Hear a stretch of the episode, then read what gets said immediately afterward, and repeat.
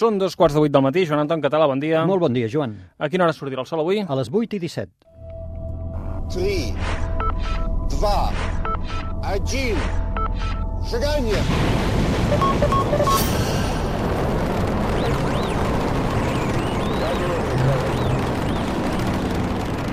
One small step for man, one giant leap for mankind. Els oients del suplement ja ho sabeu, a aquesta hora cada diumenge ens acompanya en Joan Anton Català, que a banda de venir-nos a dir a quina hora sortirà el sol, fa altres coses, per exemple, escriure llibres i del seu repertori us recomano molt especialment la guia d'observació del cel per nois i noies, perquè és un llibre que he gaudit moltíssim. A més a més, en Joan Anton és màster en astronomia i astrofísica i també químic quàntic.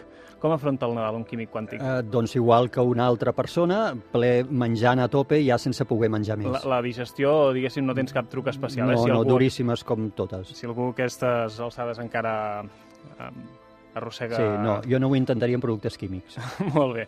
Avui és a 29 de desembre, per tant, estem arribant no només a finals de mes, finals de desembre, sinó també a finals de 2019. I això, que és una obvietat, ens serveix avui al suplement eh, per parlar d'una cosa que sembla eh, natural, però que potser no ho és tant, que són els calendaris, no? Mm -hmm, exacte. Doncs avui amb el Joan Antó parlem de calendaris. I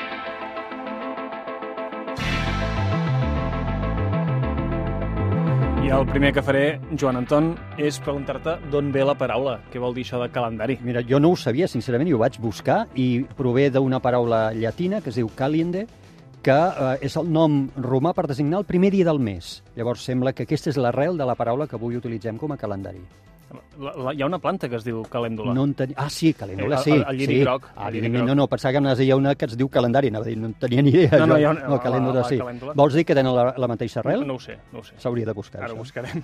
Ah, en tot cas, eh, més enllà de la, de la calèndula, eh, avui el que, el que volem parlar és de les característiques que necessitem que tingui un, un calendari. Suposo que la primera característica és la constància. Clar, perquè tu imagina't el que seria un calendari que anés variant, sobretot, fixa-t'hi, per exemple, amb les estacions de l'any. És a dir, tu imagina't, ara el gener l'associem a l'hivern, almenys a l'hemisferi nord. Ara tu imagina't el que seria de sobte que el gener deixés de ser un mes d'hivern eh, per l'hemisferi nord i passés a ser de primavera o d'estiu. Ah, amb això que m'estàs dient ja em ve la primera pregunta. Ai.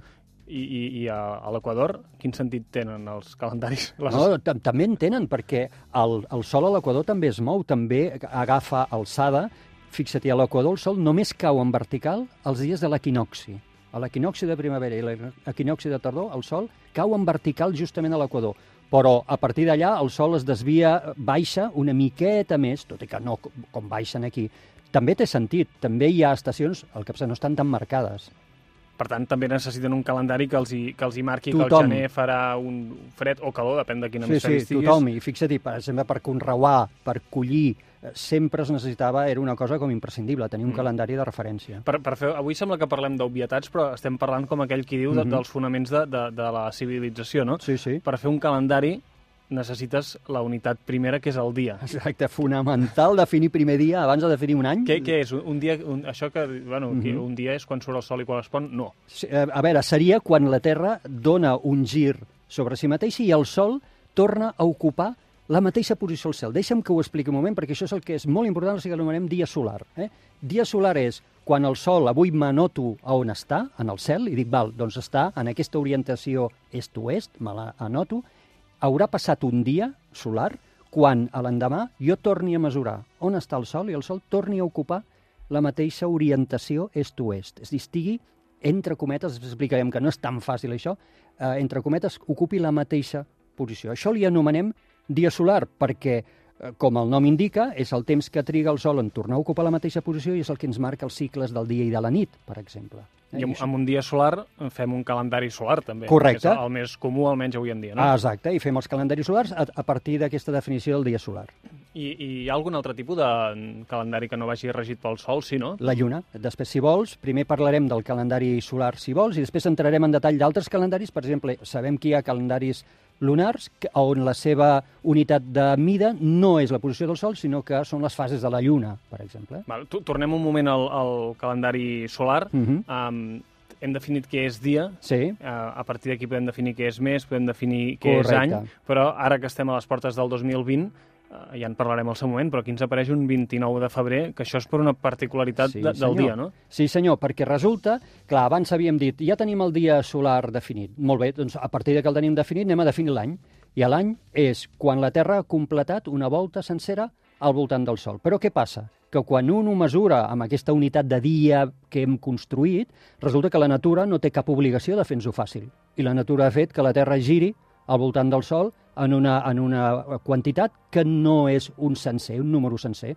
La Terra gira amb 365,24, 21, 7 dies. Per tant, ja veus que és una fracció. Com ens ho fem per, en una unitat que és un dia solar que havíem definit abans, com ens ho fem per fer que quadri amb 365,24, 21, 7. No? I aquí és on apareixen, entre altres coses, els anys de traspàs. El que fem és dir, val, doncs imaginem, imaginem no, definim que duren 365 dies. Estem cometent un error de 0,24217. I llavors cada 4 anys li afegim un dia, que és com afegir-hi 0,25. En aquesta fórmula ja acabem d'aproximar-nos a més en aquest 365,24,217, però encara no hem quadrat. I encara definim una altra regla que és, molt bé, cada 4 anys hi haurà un de traspàs, excepte quan acabin amb 0,0.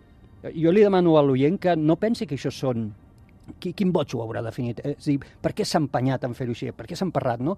No, és simplement per fer quadrar aquest numeret. És dir, perquè si tu vas fent les formuletes, resulta que ja t'hi vas aproximant en aquest 0,2427. Perquè si, si no ho féssim, si diguéssim, escolta, deixem-nos estar d'històries cada any 365 dies, què, què passaria? Aniries acumulant un petit error, que al començament ni es notaria, però al cap de segles aquest error s'hauria anat sumant i et girarien, eh, et girarien les estacions de l'any, que és el que dèiem.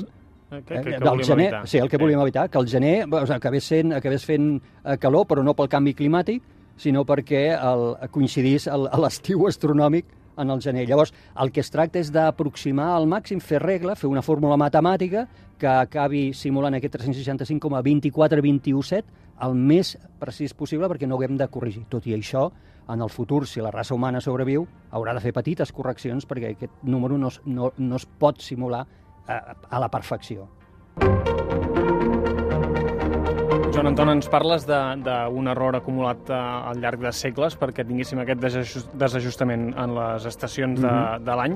Uh, pregunto també per segles, quan, quan fa que la humanitat sap que existeix aquest 024-21-7? Fa molt, els antics ja, ja ho veien. Per exemple, els primers calendaris dels quals diríem que tenim nosaltres l'arrel d'aquests calendaris o provenim d'aquest calendari són, per exemple, els romans. Eh? Els romans, el Juli César, a l'any 46 abans de Crist, ja va definir el que es coneix com a calendari julià que ho tenia, eh, intentava tenir en compte aquests eh, moviments, eh, aquestes posicions del Sol. El que passa que tenien eh, unes regles una mica sui generis. Ells, per exemple, el calendari eh, julià el que feia, per decret, va dir que eh, comptava els dies d'un en un i va dir que a l'1 de gener de totes les èpoques, diríem, era a l'any 45 abans de Crist. I a partir d'aquest moment es comptaven els dies d'un en un i llavors cada 3 o 4 anys afegien un dia per anar corregint aquests errors. Tu imagina't el que devia ser abans de Crist, en aquells moments on no hi havia ràdio, on no hi havia diaris, no hi havia res, eh, fer correccions en un calendari, com comunicar-ho a la gent. Eh, imagina't, eh, jo mai hagués pogut dir, Joan, quedem el 26 de març a les 10 a la cantonada de Balmes. Mai haguéssim pogut dir això, perquè com, ens, com podíem saber que el César havia decret- decretat que aquest any, en lloc de 365, en tindria 366, perquè havien afegit un dia. Un caos absolut. Eh? Aquest és el calendari julià. Doncs a, aprofito que, que estàs a l'època dels romans.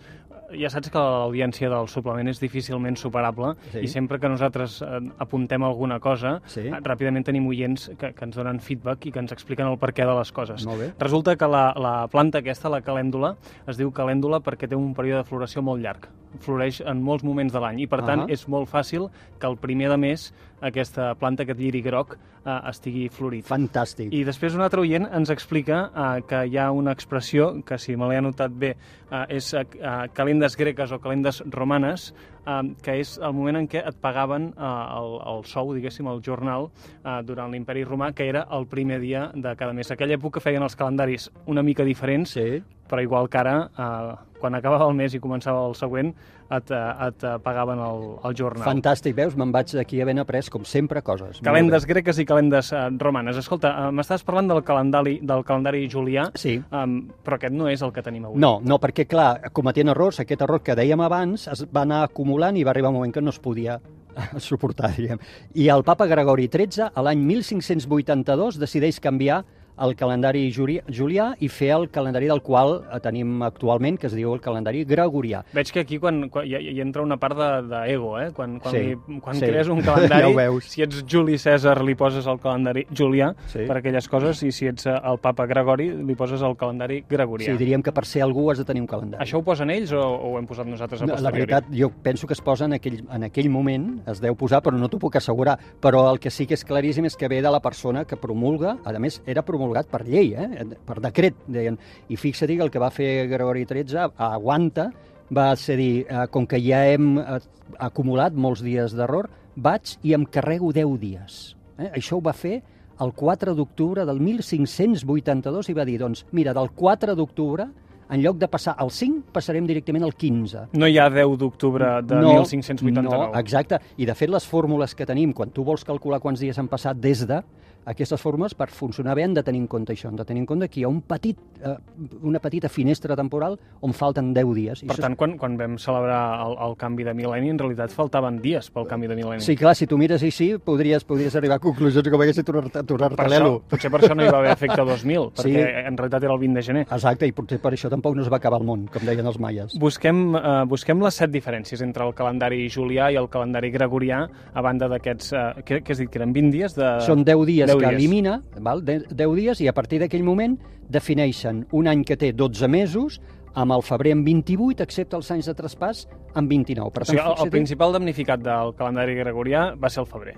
va ser el febrer, sí, el febrer i el, i el, i el Julius. És cert que, que va perdre a l'honor de... Home, d'aquest- 1.500 anys no està malament. No està malament, però fixa't que ja s'havien acumulat 10 dies d'error. Uh, això no els preocupava tant, uh, parèntesi, no els preocupava ta tant per les estacions de l'any, que també, però el fet de que ho fes un papa ja indica que hi havia una preocupació especial per al càlcul de la data de Pasqua.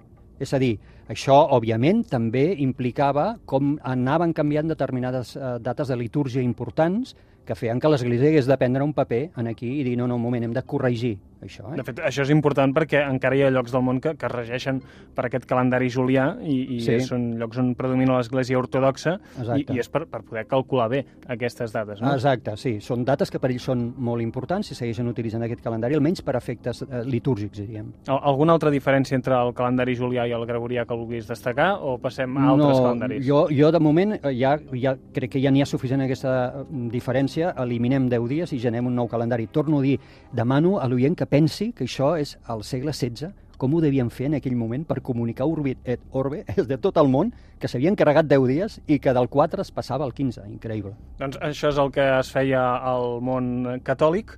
Uh, anem a mirar com s'ho han muntat a altres parts del planeta. Perquè, Joan Anton, si et dic calendari lunar, probablement uh, ja directament ens ve l'imaginari islàmic. No? Exacte, aquest és el calendari per excel·lència lunar, un calendari lunar, a diferència del solar, que com dèiem abans està basat en la posició del Sol en el nostre cel, està basat en les fases de la Lluna. Per tant, els preocupen més saber com és la Lluna que a on se situa el Sol. La Lluna canvia les seves fases cada 29,53 dies. Ja tornem a tenir el decimal, Clar, eh? és que és el que dèiem, la natura no té cap obligació de fer-nos-ho fàcil. Llavors, com que hem definit un dia, doncs ara ens trobem que, clar, n'hi caben 21,53 d'aquestes definicions dins d'un cicle complet de, de, de fases lunars. I, per tant, el calendari islàmic també havia de fer formuletes, o ha de fer formuletes, per acabar compensant això. Per exemple, els mesos són de 29 o 30 dies eh, solars, val? i després corregeixen. Eh? Uh, que, I això els hi serveix per calcular les dates que són importants uh, des del punt de vista també li- litúrgic de la seva religió. Tot i que crec, penso, que per efectes civils utilitzen el calendari solar, eh? és a dir, utilitzen el nostre calendari per efectes civils, eh, diríem legals, civils, eh? però pels, pels eh, religiosos utilitzen el, el, el lunar, que està molt bé perquè eh, només veient aquest calendari ells ja saben quina fase té la Lluna, que a vegades hem de demanar, no? Escolta, i, i Si és 15 de gener... eh, la saben que la Lluna és- està de determinada forma. Uh -huh. Ah, No sé si hi ha algun calendari que combini el calendari solar i el lunar. Sí, són els, els lunisolars, que és, eh, ho vols tenir el millor de tot, no? Però clar, això t'ho complica moltíssim. El lunisolar estan, utilitzen el sol per eh, definir-te el dia, etc i, i alguns anys, i la lluna per definir-te els mesos. Has de saber molt moltes matemàtiques. Sí, i han de fer formes molt rares.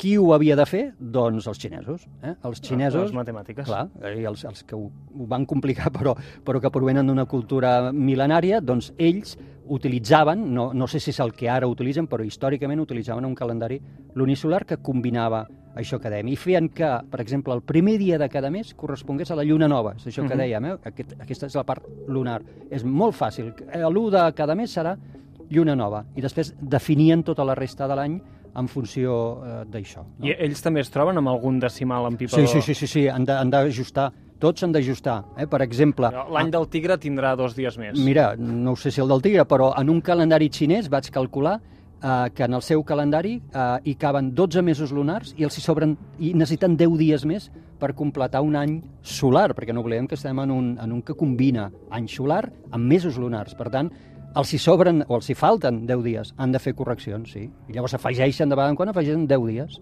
Avui amb en Joan Anton Català hem après què és un calendari solar, que és una cosa que tenim a l'abast perquè aquests dies ens en regalem molts. També hem après què és un calendari lunar i hem après que els podem combinar, que podem fer uh, calendaris so, uh, solar, com es deien? Lunisolars. Lunisolars. I ara aixecarem una mica més la vista. Perquè també podem fer calendaris mirant les estrelles. Exacte, i aquesta és una altra forma de calcular el pas del temps. I aquí arribarem en una paradoxa, que no ho és, perquè ara ho explicarem, que és que si tu agafes una estrella i la mires avui a la nit i t'apuntes a on és i tornes demà, quan passa el teu rellotge marca eh, que ha passat un dia solar d'aquests que dèiem, i tornes a marcar veuràs que no ocupa la mateixa posició. I aquesta estrella va 4 minuts adelantada. I llavors ens hem d'esperar perquè passi l'any que l'estrella torni a ser ella que mateix. passi el dia, fixa't. Ah, passi el dia. El dia, per què?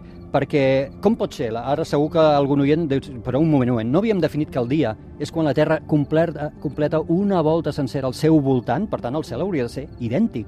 No, no l'hem definit així el dia. El dia l'hem definit com a dia solar, que el Sol torni a ocupar la mateixa posició. Hi ha dies que no duren 24 hores. No, cap dia dura 24 hores. La Terra gira al voltant seu en 23 hores 56 minuts. I això és una evidència. Eh? Ho sento pels terraplanistes, però això és una, una evidència. Què passa? Que com que el, en els calendaris solars, que són els que hem parat abans, no importaven les estrelles, importava el Sol, mentre la Terra gira, en aquests 23 hores, la Terra també s'ha mogut al, al llarg de la seva òrbita i la perspectiva del Sol ha canviat una mica. Per tant, el Sol sí torna a ocupar la seva posició al cap de 24 hores, però les estrelles no.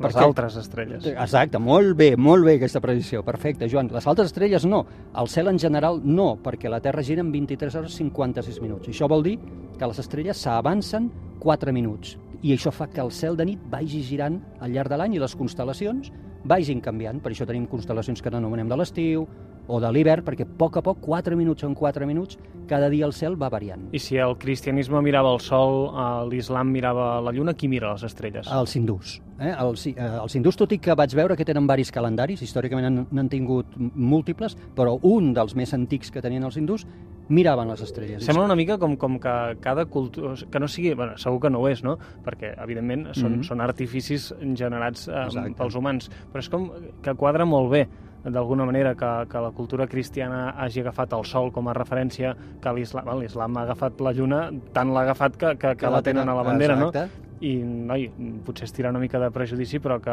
que l'hinduisme hagi acabat Mm. amb una cosa tan mística com les estrelles, Sí. tampoc sembla casualitat. No, no, no, és curiós, eh? no, hi havia, no ho havia pensat això, però sí que sembla que hi ha una certa relació cultural, no? De... Sí, sí, no hi, no hi havia pensat. I, i aquests, aquests calendaris, eh, a banda dels hindús, suposo que també s'utilitzen, són els que s'utilitzen per astronomia, no? Sí, els siderals s'utilitzen moltíssim en astronomia perquè, eh, òbviament, sí que ens interessa saber la posició del Sol i de la Lluna, evidentment, però eh, ens interessa moltíssim també saber la posició dels altres objectes del cel, com les altres estrelles, que estan tan lluny de nosaltres que eh, mantenen fixa per entendre la seva posició. Llavors sí que necessitem tenir en compte això, que la Terra en lloc de 24 hores gira en 23-56 minuts.